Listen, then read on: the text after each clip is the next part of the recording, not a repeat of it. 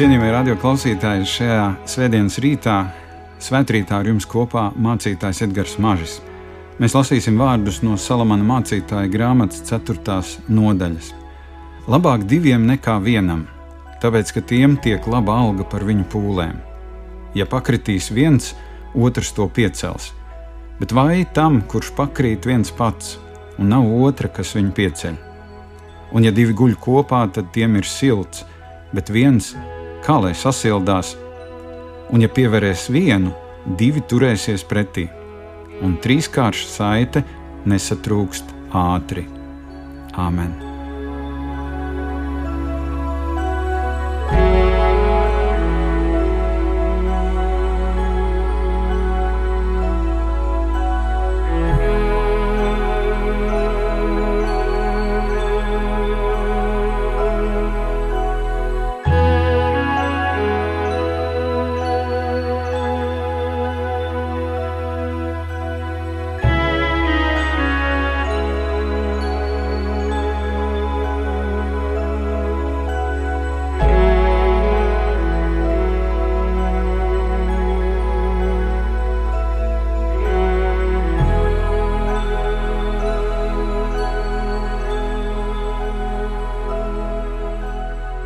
Mēs dzīvojam pasaulē, kurā ir daudz cilvēku, bet tik daudz cilvēku ir arī pilnīgi vientuļi.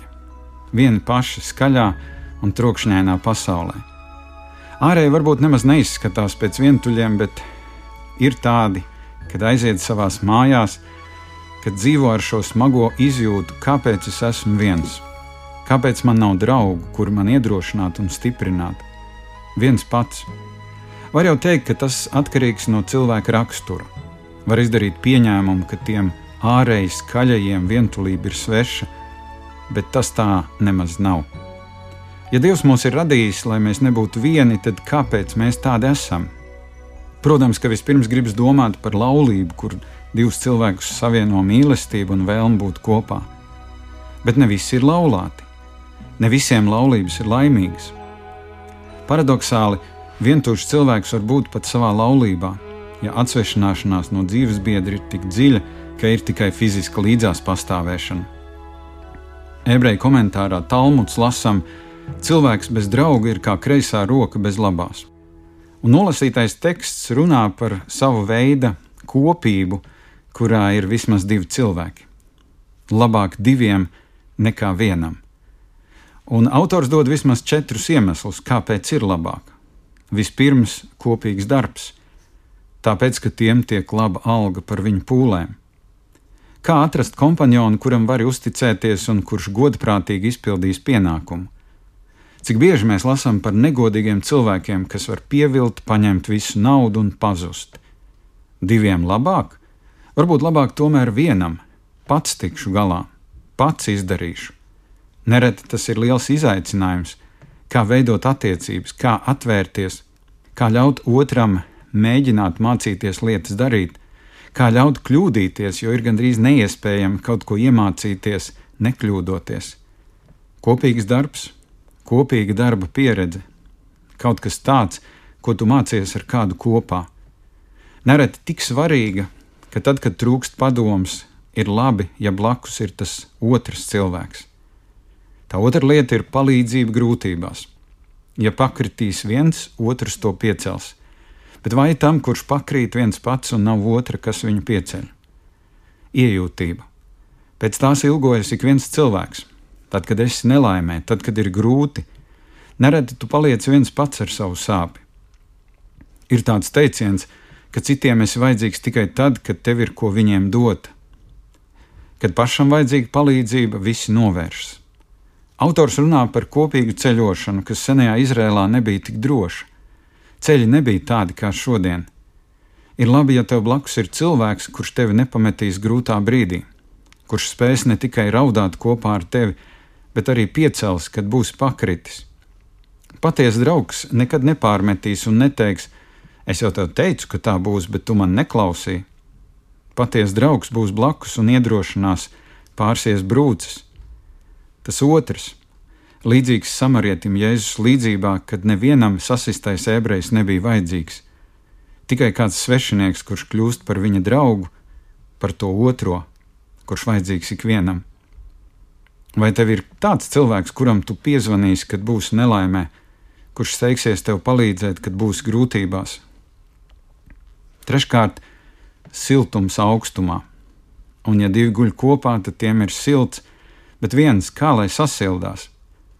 Nerad šis pants tiek skaidrots tikai laulības kontekstā, bet te ir kāda dziļāka doma par ceļotājiem naktī, kuru vienīgā sega bija apmetnis, ko pa dienu valkāja augstās Palestīnas naktis. Un tad ir labi, ka cilvēks cilvēku silda ar sava ķermeņa siltumu, saspiešanās kopā, lai nenosaltu. Šodienas cilvēks vairumā gadījumu domātu par seksuālu kontaktu.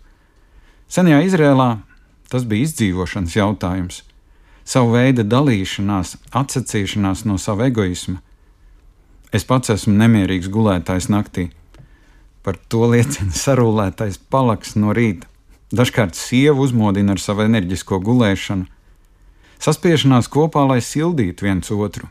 Varbūt ne tik aktuāli šodien, bet šis senais piemērs ļauj ieraudzīt, cik svarīgs ir tas otrais arī augstajā naktī, arī tad, kad ļoti vajag silta pleca izjūtu, atbalstu. Tad, kad apkārt ir arī garīgs augstums, kad nav neviena, kas tevi saprastu un uzklausītu. Vai tev ir tāds otrais? Ceturtkārt, cīņa ar pretinieku. Un, ja pievērs vienu, divi turēsies pretī, un trīskārša saite nesatrūks ātri. Ko darīt brīžos, kad jācīnās pretī? Vienam nav viegli. Nereti mēs to redzam skolā, kad tiek izraudzīts kāds skolēns, kur var apcelt. Pārsteidzoši, ka cits stāv malā un daudzreiz nav neviena, kas ietu palīgā, kas aizsargātu. Diviem ir vieglāk cīnīties, ja abi ir vienoti. Nevelti viens no draudzības vērtīgākajiem vērtējumiem ir ar tevi es ietu izlūkos. Nereti trīskārša saite ir tikusi garīgota, domājot, ka trešais elements ir dievs. Teksts gan par to nerunā, bet gan ļauj mums domāt par spēku, kas ir patiesā draudzībā. Trīskāršs spēks, kaut kas tāds, ko nevar pāraut un apturēt. Iespējams, ka pats svarīgākais jautājums, uz ko šī raksturvieta nedod atbildi, ir kā lai atrod tādu draugu, kurš atbilst tam, par ko runājām. Jaunajā derībā redzam, ka Jēzus izsūtīja savus mācekļus pa divi. Marka evanģēlijā lasām, tad viņš aicināja 12 mācekļus un sūtīdams viņus pa divi, deva tiem varu pār nešķīstiem gariem. Vēlāk apustulis Pāvils dodas misijas ceļojumā kopā ar Sīlu, atkal divi.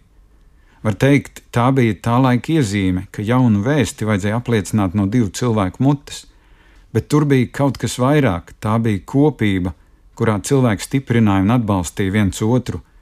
Tā bija draudzība, kurā viņi ne tikai iepazina viens otru, bet arī bija par iedrošinājumu un arī izaicinājumu viens otram. Divi. Vēlāk Pāvils un Timotejs. Kad lasām Pāvila vēstules savam jaunajam kolēģim, tad redzam, ka viņus vienoja kāda īpaša saite, tik īpaša, ka Pāvils varēja rakstīt beigās šos vārdus: Bet tu esi cieši sekojis manai mācībai, dzīvesveidam, manai apņēmībai, ticībai, pacietībai, mīlestībai un izturībai. Un tā ir patiesas draudzības būtība. Divi cilvēki dalās ar savu dzīvi, savu ticību, uzvarām un zaudējumiem, un tas nenotiek piespiesti. Ja tev nav tāda drauga, par ko runā Salamana mācītāja grāmatas autors, tad tev ir iespēja lūgt Dievu, lai Viņš ļauj tev tādu draugu atrast. Lūdzu, lai Dievs tev arī palīdz atbrīvoties no tās nedrošības un izolācijas čaulas, kas tev neļauj šādu draudzību veidot. Nav nekā grūtāka par vientulību šajā pasaulē, bet daudz grūtāk ir tad, ja esi vientuļš arī starp citiem, draudzē, sabiedrībā, darba kolektīvā. Varbūt kāds teiks, man pietiek, ka Jēzus ir mans draugs. Un tā būs taisnība līdz tam brīdim, kad evanģēlijā mēs lasām, ka arī Jēzum bija kāds īpašs māceklis, kuru viņš mīlēja. Iespējams, esot tuvākās attiecībās kā ar citiem mācekļiem. Jāņa evanģēlijā mēs lasām māceklis, ko Jēzus mīlēja. Pēterim sacīja, tas ir kungs. Māceklis, ko Jēzus mīlēja, draugs. Tas otrais. Kur ir tavs otrais? Varbūt tev nav laulātā drauga, bet tev ir iespēja lūgt, lai Dievs dod tev draugu, īstu un patiesu, ar kuru tu vari būt tas, kas esi - darbā, grūtībās, atbalstā un cīņā. Tad vientulība vairs nebūs mokoša un iznīcinoša, jo tavu vientulību kausēs tas otrais. Labāk diviem nekā vienam. Āmen!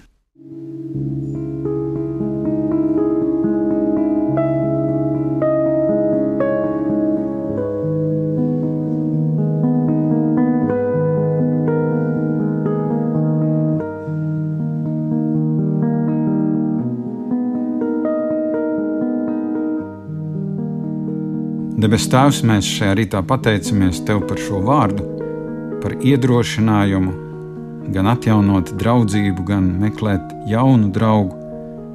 Kungs, Dievs, tu redzi, cik daudz šajā brīdī jūtas vientuļi, varbūt pat pamesti novārtā, vienalga veci vai jauni.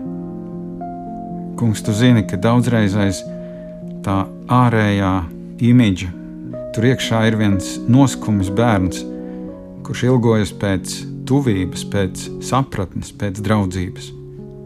Kungs, Dievs, palīdzi mums ieraudzīt tos cilvēkus, kuriem mēs varam būt tie otrie, un dod, ka katram no mums ir tas otrais, ka varam piepildīt šo vārdu diviem ir labāk kā vienam.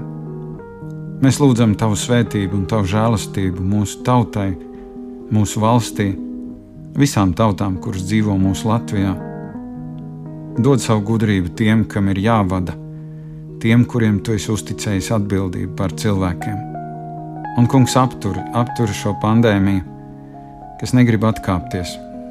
Un kaut arī cipari kļūst mazāki, kungs, palīdzi mums, palīdzi mums dzīvot ar izjūtu, ka tu, kungs, esi nomodā par mums, ka tu mūs sargā un tu mūs vadi.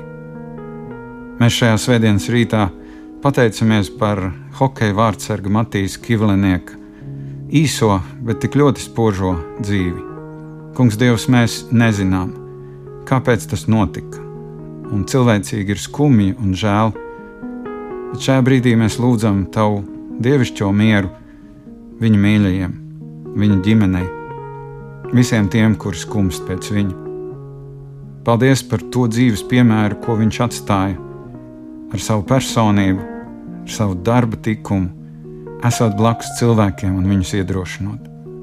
Kungs, Dievs, mēs uzticam Tev arī savas nopūtas un neatbildētos jautājumus, un visi kopīgi Tevi tā lūdzam. Mūsu Tēvs debesīs, svētīts lai top Tavs vārds, lai nāk Tava valstība, Tavs prāts, lai notiek kā debesīs, tā arī virs zemes Mūsu dienascho maizi dod mums šodien, un piedod mums mūsu parādus, kā arī mēs piedodam saviem parādniekiem. Un neieved mūsu kārdināšanā, bet atpestī mūs no ļaunā, jo tev pieder valstība, spēks un gods mūžīgi mūžos. Āmen!